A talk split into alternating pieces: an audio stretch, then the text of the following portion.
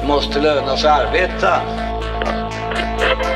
Det är väl den typ av inblandning vi kan ta ansvar för. I övrigt är det ju arbetsmarknadsparter som sätter löner i Sverige. Sticka en nål i en arm i Italien eller i Sverige borde inte vara jättestor skillnad egentligen. För mig är det viktigt att vi har verktyg och redskap om det är så att konjunkturen vänder. Välkomna till Arbete och fritid fredag den 8 maj. När vi på Arbetsvärlden har skrivit om villkoren för personalen i vården, om turerna kring skyddsutrustning och hur intensivavdelningarna fixar och donar för att kunna ta hand om alla sjuka så har vi märkt ett jättestort intresse bland läsarna. Eh, situationen i vården är ju på allas medvetande nu och det tänkte vi att vi skulle tala om idag. Självklart ska vi också få en rapport från en jobbig värld. Ja, vem är då bättre lämpad att vara gäst i podden än Vårdförbundets ordförande Sineva Ribeiro? Välkommen! Tack, hej på det! Du, jag har märkt att du har varit extremt eh, aktiv med debattinlägg i eh, stora medier och du kom precis från ett möte med arbetsmarknadsministern. Men eh, som det ser ut sitter du också hemma i köket och jobbar som vi andra. Så är det i den här världen. Eh, jag har dessutom en dotter som är i riskgruppen ganska starkt. Så att vi har försökt skydda henne genom att jag har nu jobbat hemifrån de sista sex och en halv, snart sju veckor verkligen social distansering, vilket är jättesvårt för mig ska jag säga. Jag gillar att kramas, jag gillar att prata och jag gillar människor. Så det här är jättesvårt ska jag säga. Jobbigt, tungt. Så jag förstår väldigt många som inte mår bra. Självklart har vi också med oss Britta Lejon, ordförande i SD. Hej, tack. Hej Britta. Mikael Fältbom heter jag och är chefredaktör för Arbetsvärlden. Sineva, jag tänkte att du får börja med lite att beskriva situationen för Sveriges sjuksköterskor nu i coronakrisen. Det gör jag jättegärna. Jag kan ju säga att just nu så eh, har det gått snart sju veckor eh, sedan vi fick ett rejält utbrott av eh, covid-19 och det var ju i Stockholm framför allt. Och, och ehm, det som händer i ett sådant läge eh, innebär att våra grupper hamnar i frontlinjen väldigt, väldigt tidigt. Och de som gjorde det då, eh, och det var ju att det här är ju ett ett märkligt virus. Det är ett virus där du kan känna att du mår, mår väldigt, väldigt bra och så helt plötsligt är du jätte, jättesjuk. Vi har också fått en hel del signaler där du mår, du tycker själv att du mår bra, men när vi tittar på din syresättning så är den jättedålig. Eh, och egentligen skulle du inte orkat eh, prata alls. Eh, och det räcker ju med, för en normal människa som du och jag som är friska kanske, så skulle vi om vi kom ner på en syresättning runt 90 procent, då är vi rätt ansträngda redan då. Och det är jobbigt att röra på sig och jobbigt att prata. Och de här patienterna kan ju ligga runt 60 procent och ändå vara pratsamma och tycka att de mår bra, fast egentligen mår de riktigt dåligt. Eh, det var ju intensivvården eh, och behovet av intensivvården som blev så väldigt akut. Och jag tror att det också beror på att vi har under i alla fall de senaste 10 åren och egentligen 20 åren minskat de specialistutbildade sjuksköterskorna inom intensivvård. Eh, vi har ju drivit den frågan ganska starkt från förbundet om att, att det har inte lönat sig att vidareutbilda sig och jag tror att vi hade ungefär då i början på mars runt 600 intensivvårdsplatser i hela Sverige.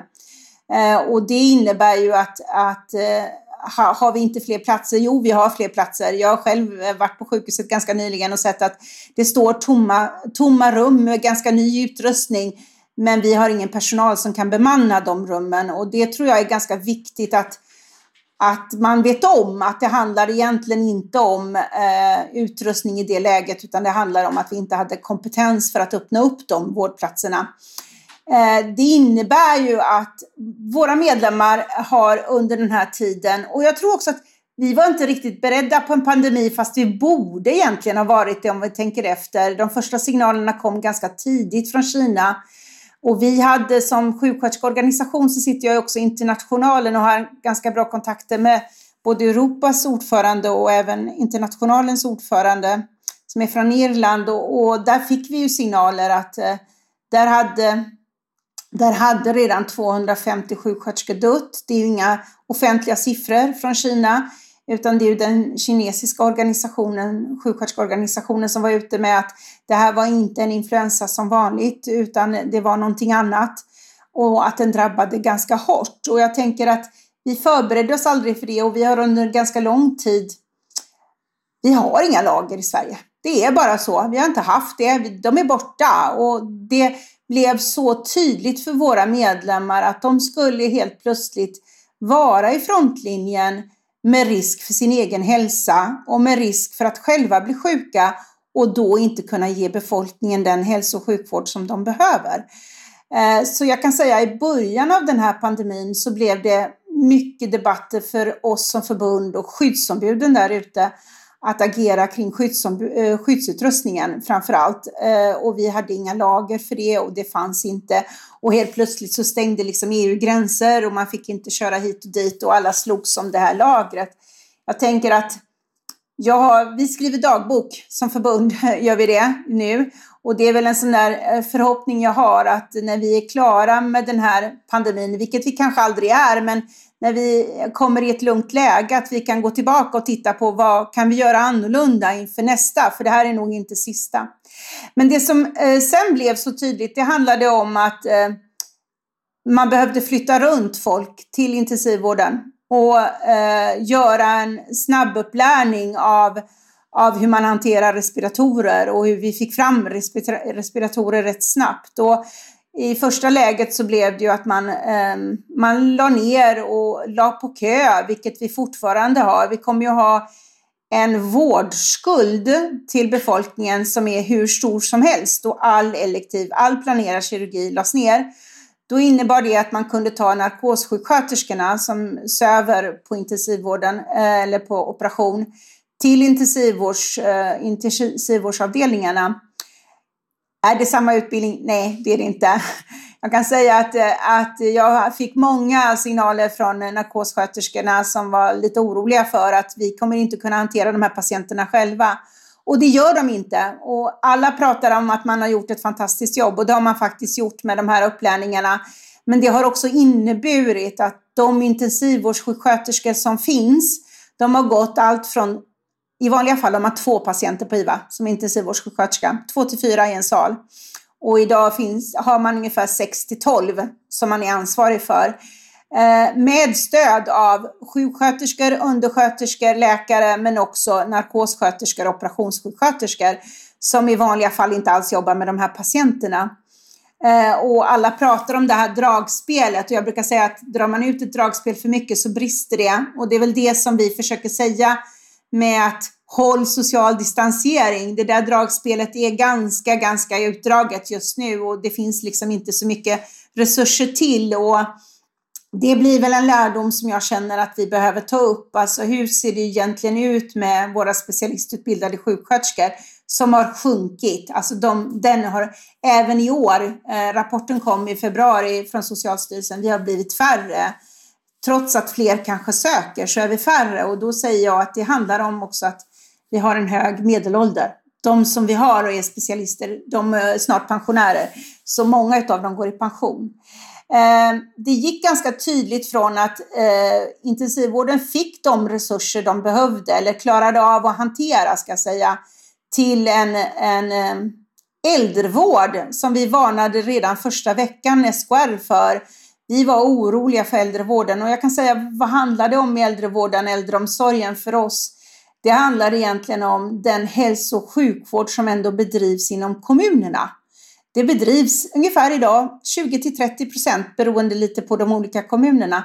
Eh, men vi ska vara medvetna om att där är kompetensen jättelåg. Så är det. Om vi jämför med Norge, jag brukar jämföra med Norge, med Norden som har ungefär så är var femte person i, i eh, äldrevården i Norge sjuksköterska. I Sverige är vi var femtonde, var tjugonde person. Eh, och det innebar ju då att vi såg att eh, med tanke på att omsorgspersonal dessutom inte behöver ha någon utbildning, att där skulle det bli problem. Eh, och vi såg att hygien, basala hygienrutiner, utbildning kring eh, hygienrutiner inte fanns. Eh, och det påverkade vi Socialstyrelsen med. Det kom ju en digital eh, utbildning kring det.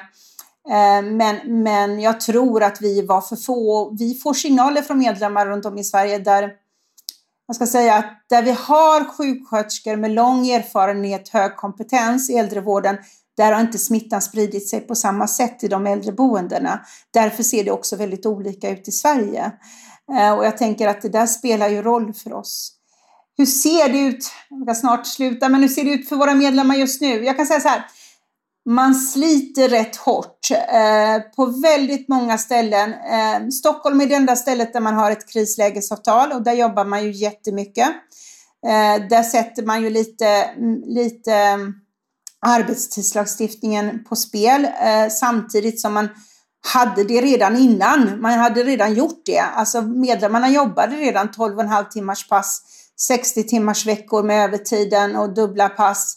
Eh, man placerade om all personal man kunde.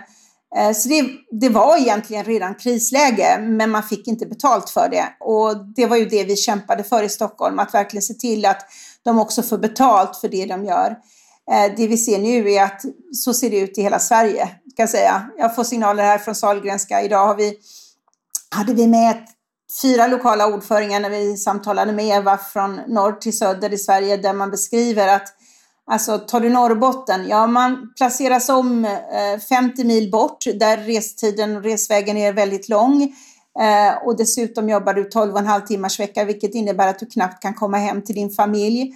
Eh, du gör, eh, vi har, när du jobbar 60 timmars veckor vet ni, så kommer man upp i att du får aldrig någon ledig helg. Utan du har, jobbar alltid något pass på helgen. Om det är fredag natt eller lördag förmiddag eller lördag natt med något pass på helgen. Ehm, och dessutom på det så ser vi att de scheman man lägger just nu med tanke på bristen och det har ju varit en brist ganska länge och det har ju pratats om i alla år som jag har jobbat i hälso och sjukvården. Jag har varit sjuksköterska i 33 år så, så har det saknats folk. Men om man tittar just kring semesterperioden som just nu är en jätteaktuell fråga för oss så är det så att våra grupper har i alla fall sedan mitten på 90-talet alltid blivit erbjudna en ersättning för att avstå semestervecka. Och vi är den enda gruppen som har gjort det i hälso och sjukvården. De andra har fått sina fyra sammanhängande semesterveckor. Men nu blir det någon, det blir en tuff situation med samverkan där ute, MBL, arbetsgivarna agerar i panik väldigt mycket tycker vi, eh, när man borde kunna lugna sig. Och, och eh, det är ganska tufft klimat, ska jag säga, eh, mellan förtroendevalda skyddsombud som är så viktiga i den här, i den här hälso och sjukvården. Och, och där jag, när jag pratar med jurister som är duktiga på arbetsmiljö säger att ja, men arbetsmiljölagen är egentligen inte gjord för välfärdens medarbetare, den är gjord för industrin och nu prövas den på riktigt. Och vi, har, vi vårdar våra egna kollegor på intensivvården. Eh, alltså vi har medlemmar, eh, sjuksköterskor, kollegor till mig som blir riktigt, riktigt sjuka och nu hade vi ju någon som dessutom avled. Så att det här skapar en oro, en panik. Mm. Jag stannade så länge tror jag. Ja, men du har gett en jättebra bild av just det här. Allt från skyddsutrustningen till liksom omskolningen och överflyttningen till IVA och ja, äldreboende och alla de problem som ni möter. Vad är, vad är liksom det viktigaste nu? Vad är det man ska göra nu för att få ordning på det här? Nej, men alltså här och nu så är det så här att eh, man orkar inte helt enkelt jobba i, de här, i, den här, i det här tempot hur länge som helst. Och där försöker vi få arbetsgivare att förstå att det är viktigt att behålla, behålla de man har tagit in extra nu eh, för att den ordinarie personalen ska kunna få sin ledighet, sin återhämtning, sin vila. Man behöver fundera på hur man kan schemalägga personer så att man inte kör slut på dem. Och dessutom så får de möta ja, 100 dödsfall om dagen eh, ungefär ligger vi på nu i Sverige och de, de är ganska koncentrerade till, till eh, just nu till äldrevården. Det är ju där de flesta dör, ska jag säga. Eh, där våra medlemmar har eh, idag det högst medicinska ansvaret. Eh, de är väldigt ensamma. Eh, och där det inte är byggt för en hälso och sjukvård. Alltså, det är så enkelt att säga, ja men får jag andnöd på sjukhuset, ja men då kopplar jag in syrgasen i väggen. Den finns där. Så ser det ju inte ut i äldrevården och i Säbo. Alltså där är syrgas, där ska du ha recept. Det ska finnas ett recept, du ska hämta en bomb på apoteket. Alltså det, det, du har inte heller förutsättningarna att ge den hälso och sjukvård som du kanske skulle kunna ge. Så jag skulle kunna säga att den etiska stressen, att inte kunna ge den sjukvård som man känner. Vi har precis gjort en, en undersökning hos Novus med, där våra medlemmar verkligen säger att eh, man tycker att omvårdnaden, det är den som får stå tillbaka. Det vill säga att det ligger jättemånga patienter på intensivvården, men de får också trycksår och de får, alltså vi, vi hinner inte göra den omvårdnad som vi tror att vi skulle behöva. Och jag fick en fruktansvärd bild igår av en kollega till mig som var och besökte sin pappa. Det är ju besöksförbud. Men är vi utrustade så kan man ju besö- man kan ju i alla fall titta in på hur det ser ut och hon jobbar själv på intensiven. Och då sa hon att hennes pappa hade fått eh, sår på hälarna, trycksår. Och jag menar, vi hinner inte vända som vi ska. Vi, även om det finns ett vändschema så börjar man på ena hörnan och så vänder man alla var fjärde timme så får du liksom börja om direkt. Du hinner inte smörja, du hinner inte, utan just nu är att se till att man överlever. Och, och nu får vi också de historierna, tycker jag, patienter som har legat på intensivvården i tre veckor och som behöver en otrolig rehabilitering och omvårdnad efteråt. För att det tar tid att komma tillbaka.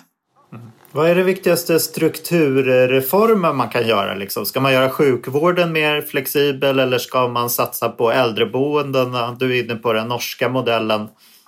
Jag tror så här, jag tror att vi har en fantastisk utredning med Anna Nergård som har kommit och jag tror att eh, det viktiga som vi har att ta lärdom av i, den här stora, i det stora liksom perspektivet av hälso och sjukvård i Sverige, och då pratar jag hälso och sjukvård oavsett vad det är, så är det verkligen att eh, titta på vad är det vi har flyttat över till staten och, och staten har fått ta ett, ett ansvar kring. Jo, det har varit om kompetensförsörjningen väldigt tydligt. Det har varit om om skyddsutrustningen. Det vi ser nu är, jätte, det är vi jätteoroliga för. Det är det här med läkemedelsbristen som är att vi inte kan få tillräckligt med eh, sömnmedel för att söva de här patienterna som ligger på, i respirator och då är det svårt att behandla dem.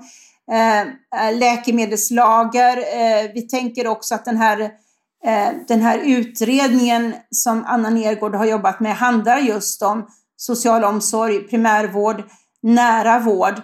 Eh, att också vara medvetna om att i äldrevården, i den nära vården, i den kommunala hälso och sjukvården så är man jätte, jättesjuk. Man bedriver jättehög sjukvård där och det nämns väldigt lite och vi har väldigt mycket sämre kompetens där. Alltså våra äldreboenden ligger ju när man tittar på SÄBO, när de, hur många månader de ligger på SÄBO så är det ju alldeles för kort tid om man jämför med resten av Norden. Det innebär att när de väl har kommit hemifrån till ett äldreboende så är de där väldigt få månader. Det innebär att de är väldigt sjuka. Så att jag tänker att hela den här reformen kring den nära vården, den måste vi bara få till.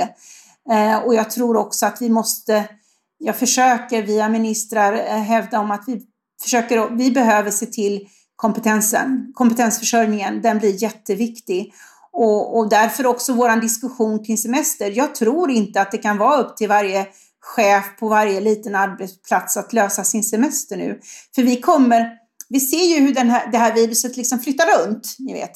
Eh, jag fick signaler idag från intensivvården här i Göteborg att nu börjar det öka på Sahlgrenska. Det som, som liksom blir en platå i Stockholm, eh, Sörmland, där man har hållit på väldigt länge, börjar nu öka här. Eh, Skåne pratade jag med igår, de har lite lugnare, men här börjar det bli ganska fullt på IVA och man varnar för eh, uteserveringar och annat här i Göteborg just nu för man är orolig.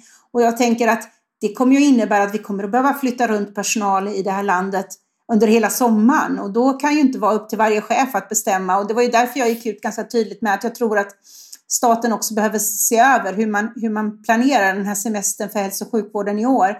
Det handlar just om, jag vill inte ha en statlig inblandning i allt, men jag tänker att det kan inte vara upp till varje chef eh, för då kanske jag inte har den kompetensen för att kunna ge hälso och sjukvård till befolkningen. Det handlar ju om det, att vi nu flyttar runt både patienter och intensivvårdspersonal och personal i stort.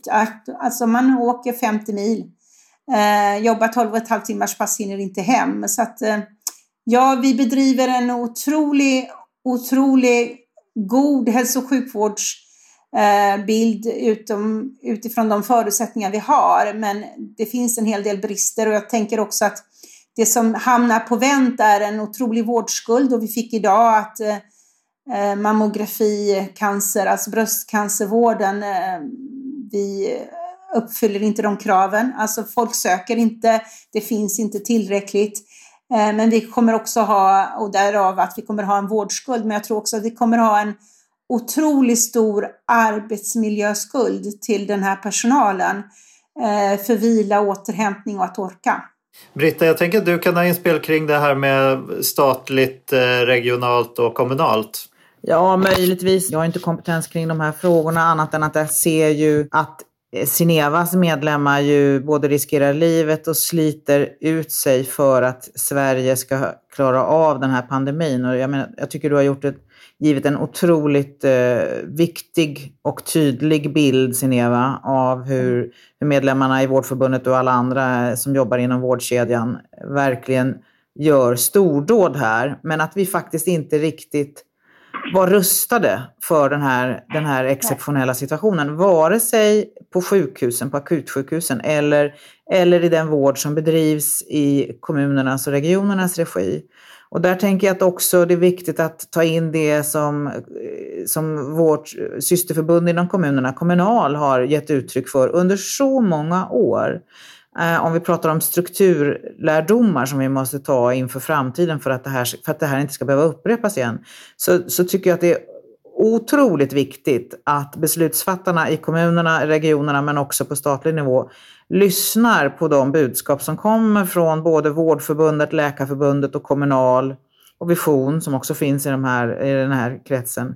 Och där, där ju liksom det har varit så tydligt att det det är klart att det blir problem om man till så stor del i äldreomsorgen har förlitat sig på människor som man ringer in på timme, mm. som inte har utbildning alls för det de ska göra och som inte har förutsättningar att göra ett bra jobb, som ska in några få minuter hos varje vårdtagare de möter, som inte har skyddsutrustning att tillgå i tillräcklig omfattning och som ibland också har språkförbistring som ett bekymmer i sammanhanget.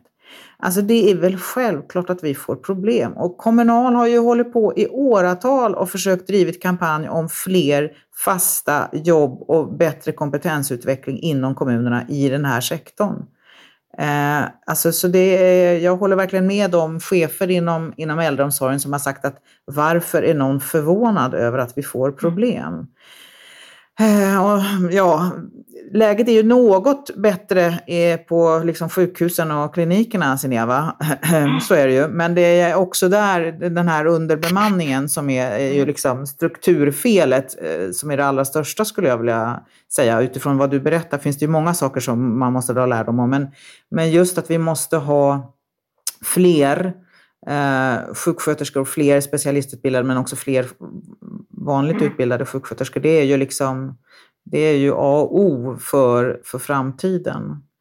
Eh, du frågade mig om, om eh, liksom förhållandet stat-kommun här, Mikael. Jag, jag, skulle, jag vill nog lite passa på den frågan ändå, för att det, det, jag är ju liksom inte specifikt kompetens inom vårdområdet. Så att det där är ju en diskussion som eh, Sineva och Kommunal och eh, beslutsfattarna inom Sveriges kommuner och landsting får, får liksom tänka kring och försöka hitta de bästa vägarna framåt. Men jag, ur liksom ett fackligt perspektiv så tycker jag att det är det, det, viktigaste för framtiden är ju ändå att lyssna till eh, professionerna här om behoven av tillräckligt med folk, tillräckligt med utbildat folk och, och tillräckligt med liksom, skyddsutrustning och kompetens för framtiden. Och där, det uppnår man inte om man, om man liksom har folk anställda på timmar eh, och med otillräcklig kompetens och med otillräckliga förutsättningar. Det, då överlåter man ju åt de enskilda arbetstagarna att lösa helt omöjliga uppgifter.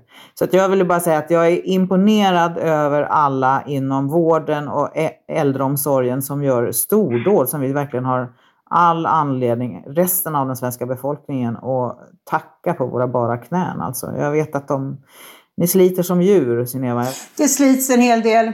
Just nu pågår ju någon sorts eh, race här att alla vill ge mer till eh, kommuner och, och, regioner. Moderaterna var ute idag och sa att de vill Eh, ta reda på hur mycket som egentligen ska gå och om det täcker kostnaderna både för corona och längre fram då att man inte ska sänka ambitionerna och så här.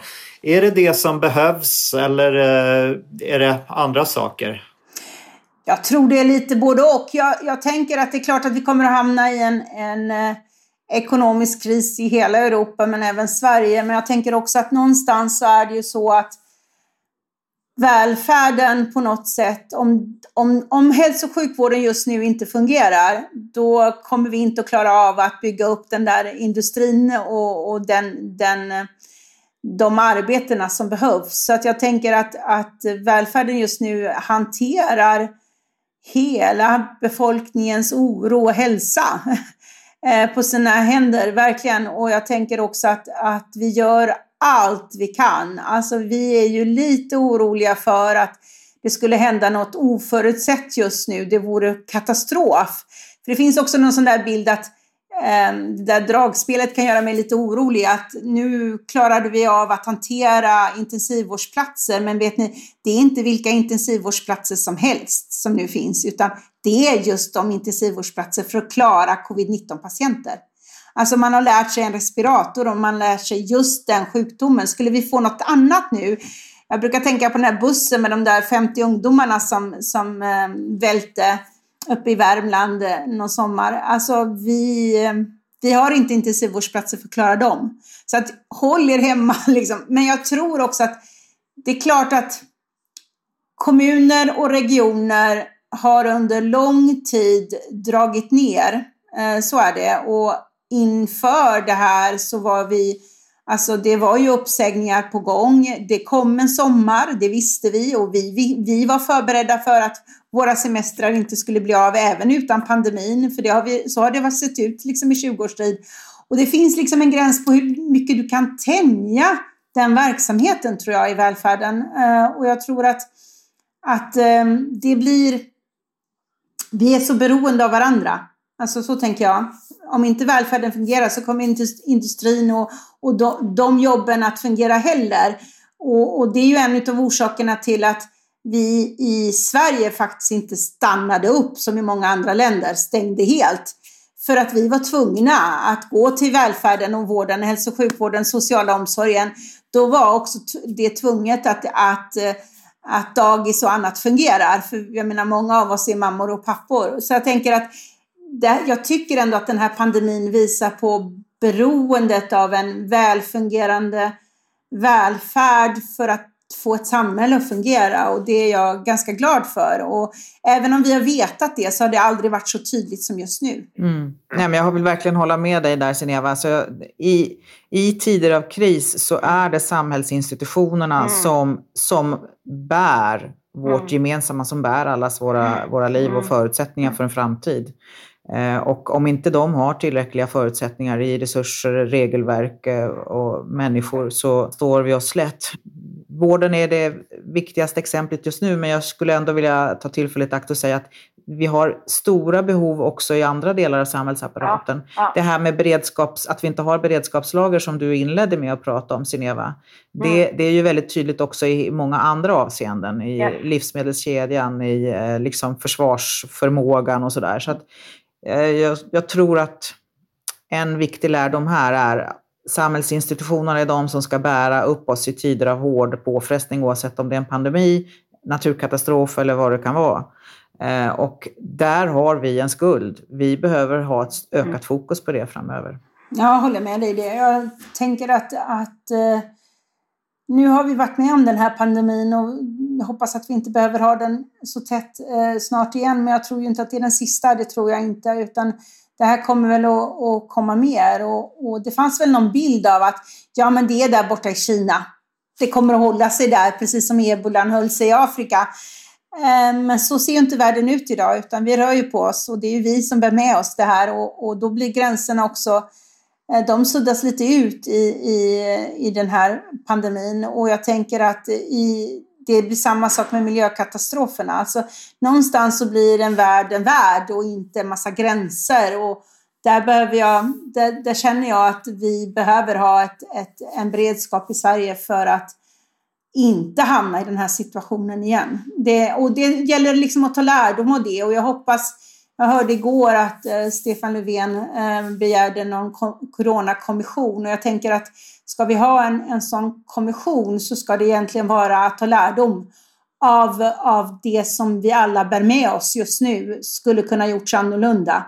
Eh, och jag tänker att eh, ledarskapet blir ju jätteviktigt i ett sånt här läge som jag ser det. Och det blir ledarskapet för våra medlemmar där ute på golvet. Det blir ledarskapet i regioner utifrån eh, liksom tjänstemannaly- eh, tjänstemannaleden.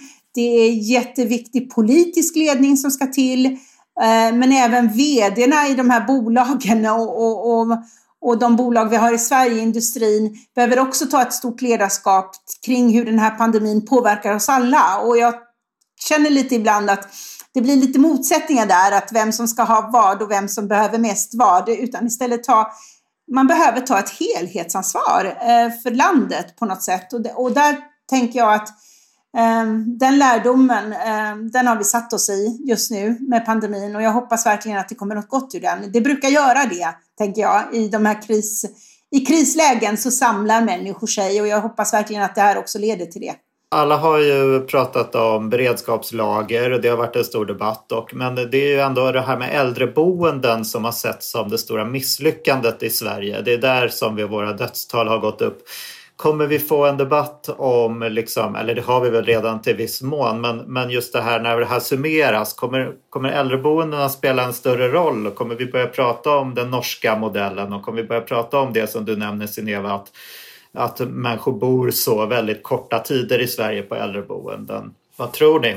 Jag tror att vi måste det. Det finns någon sån där bild att att äldre um, är trygga hemma. Det finns någon sån bild och det finns en del studier på det. Nej, Äldre är trygga där de känner att de får stöd. Eh, det är väldigt tydligt i de studier som finns. Det vill säga, får jag stöd hemma i det jag behöver som enskild individ, ja då känner jag mig trygg hemma. Får jag inte det, ja men då kanske jag behöver vara på ett äldreboende. Men jag tänker hela den här kompetensförsörjningen och, vad, och våran äldrevårdsreform som ändå gjordes eh, i början på 90-talet har ju verkligen skalat av eh, det här att vi lever längre men vi blir också väldigt sjuka när vi blir sjuka och är äldre. När vi pratar äldrevård i media och det är den här det är där folk idag dör eh, och det är de här multisjuka äldre som inte kan skydda sig själva utan där vi måste in med viss kunskap. Då är det en intensivvårdsläkare som pratar om det i Aktuellt. Och jag känner så här, men gud, vad finns verksamhetschefen för hälso och sjukvård i kommunal vård. De, de finns ju idag. Eh, var finns MASarna, den medicinskt ansvariga sjuksköterskan i kommunerna? De finns också idag och de har ett, ett ledarskap där ute och har dessutom verksamhetschefen har dessutom en, en, ett ansvar i lagstiftning. Men det är inte de som tar det ledarskapet och det, det förvånar mig att man inte gör det, för jag tycker att man har ett stort ansvar att göra det. Och att, att faktiskt se till att, att kunna göra, för det blev liksom som en överrumpling av att men gud, de dör på våra äldreboende. Det kunde vi säga för sex veckor sedan att det skulle ske faktiskt. Och jag vet att jag pratade med Anders Tegnell för sex veckor sedan i ett samtal för att eh, jag kan säga min mamma eh, är ensam just nu. Hon är i Portugal, i södra Europa, i huset. Lite inlåst har jag låst in, eller vi har försökt skydda henne så mycket vi kan. Men det man gjorde i södra Europa, Spanien, Italien, det var liksom när man inte kunde skydda, där har ju många fler dött, men när man inte kunde skydda de äldre från att smittas så måste man skydda de som vårdar de äldre. Så där har ju regeringen liksom eh, hyrt in sig på hotell, man har köpt upp eh, boenden i närheten av, av de äldre där man skyddar personalen. Eh, så att man på något sätt socialisolerar dem för att det är klart att det är de som bär smittan in i ett äldreboende, framförallt när vi har stängt äldreboendet. Så där har man ju försökt liksom att skydda dem eh, och det var liksom viktigt att göra det. Eh, det var viktigt att göra det, att verkligen skydda dem för, från att, att eh, bära in smittan. Så jag tror och hoppas att när det här är över att vi verkligen får en, en stor dialog om våra multisjuka, sköra äldre och, och vilken hälso och sjukvård som ska bedrivas i kommunal regi, men också vilken omsorg vi vill ha. Där alla professioner i hälso och sjukvården verkligen behöver en högre kompetens. Kompetenskravet måste öka. Eh, jag tror inte det går att göra på något annat sätt. Ja. Du, tack Seneva. Jag tycker du har gett en eh, jättebra bild av liksom vad som är problemen och lite framåtblickande också.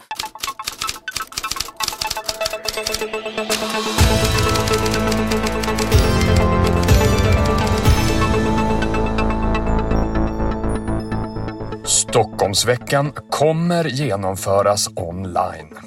Matleveransföretaget Fodora säkerställer möjligheten för överklassungdomar att vaska champagne under juli månad i enlighet med Folkhälsomyndighetens rekommendationer.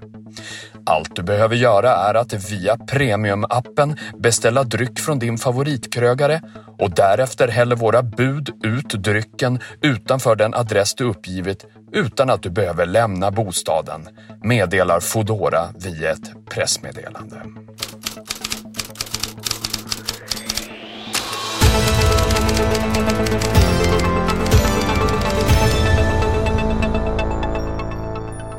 Ja, vad säger ni om det här? Jag hoppas bara inte folk samlar sig för den där veckan. Den där veckan har ju alltid inneburit eh, samling och, och firande. Och jag tänker, ja, om man firar hemma eh, några stycken personer och vänner, helt okej. Okay. Men håll er borta från de där gatorna och eh, se till att hålla den sociala distansering som är jätteviktig för att vi ska klara detta, tänker jag. Britta? Ja, nej, men jag tänker också att den där satiren visar på någon sorts sätt i blixtbelysning hur vilka absurda inslag det har funnits mm. också i vårt samhälle förut. Ja. En del behöver inte komma tillbaka. Jag tänker på de här eh, tjänsterna, att köra ut mat och så. Sådana tjänster som ju inte fanns förut innan de på något sätt lyckades bli, liksom, eh, komma in i systemet och man lyckades skapa de här ganska låga lönerna som gjorde att behoven växte. Och de här behoven, alltså idag pratar vi om det här som något självklart att man ska kunna beställa mat på nätet. Och, ja, jag vet inte, jag tänkte på de här eh, jordgubbsplockarna nu som, som ju någonting som svenskar tydligen inte vill göra men som utländska arbetare har gjort till väldigt låga löner. Att vi har liksom vant oss vid att saker utförs till väldigt låga löner. Och det är klart att ger man inte de här låga lönerna, nej, då utförs inte de här jobben heller. Men det är svårt att komma tillbaks till den, till den insikten på något sätt. Att, eh, ja, vad, som ska vara, vad som är en rimlig betalning för ett jobb. Ja, men precis. Ja, det, ja. vi, vi kom, alltså det, corona, det kommer finnas ett före corona och ett efter corona. Och efter corona kommer inte se ut som det gjorde innan. Eh, vi får väl hoppas, precis som Sineva gjorde alldeles nyss, att vi klarar av som samhälle att dra lärdomar och göra, göra våra samhällen bättre.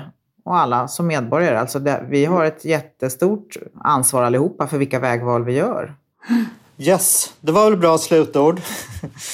Hörni, Tack så mycket Britta och Sineva för att ni var med. Tack så mycket Sineva. Jätteviktigt tycker jag att Tack. få höra din bild av situationen. Tack så jättemycket för att jag fick vara med. Det var roligt.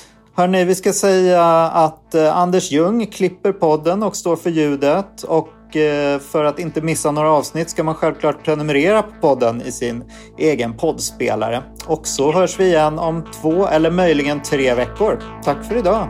Tack. Hej. Tack.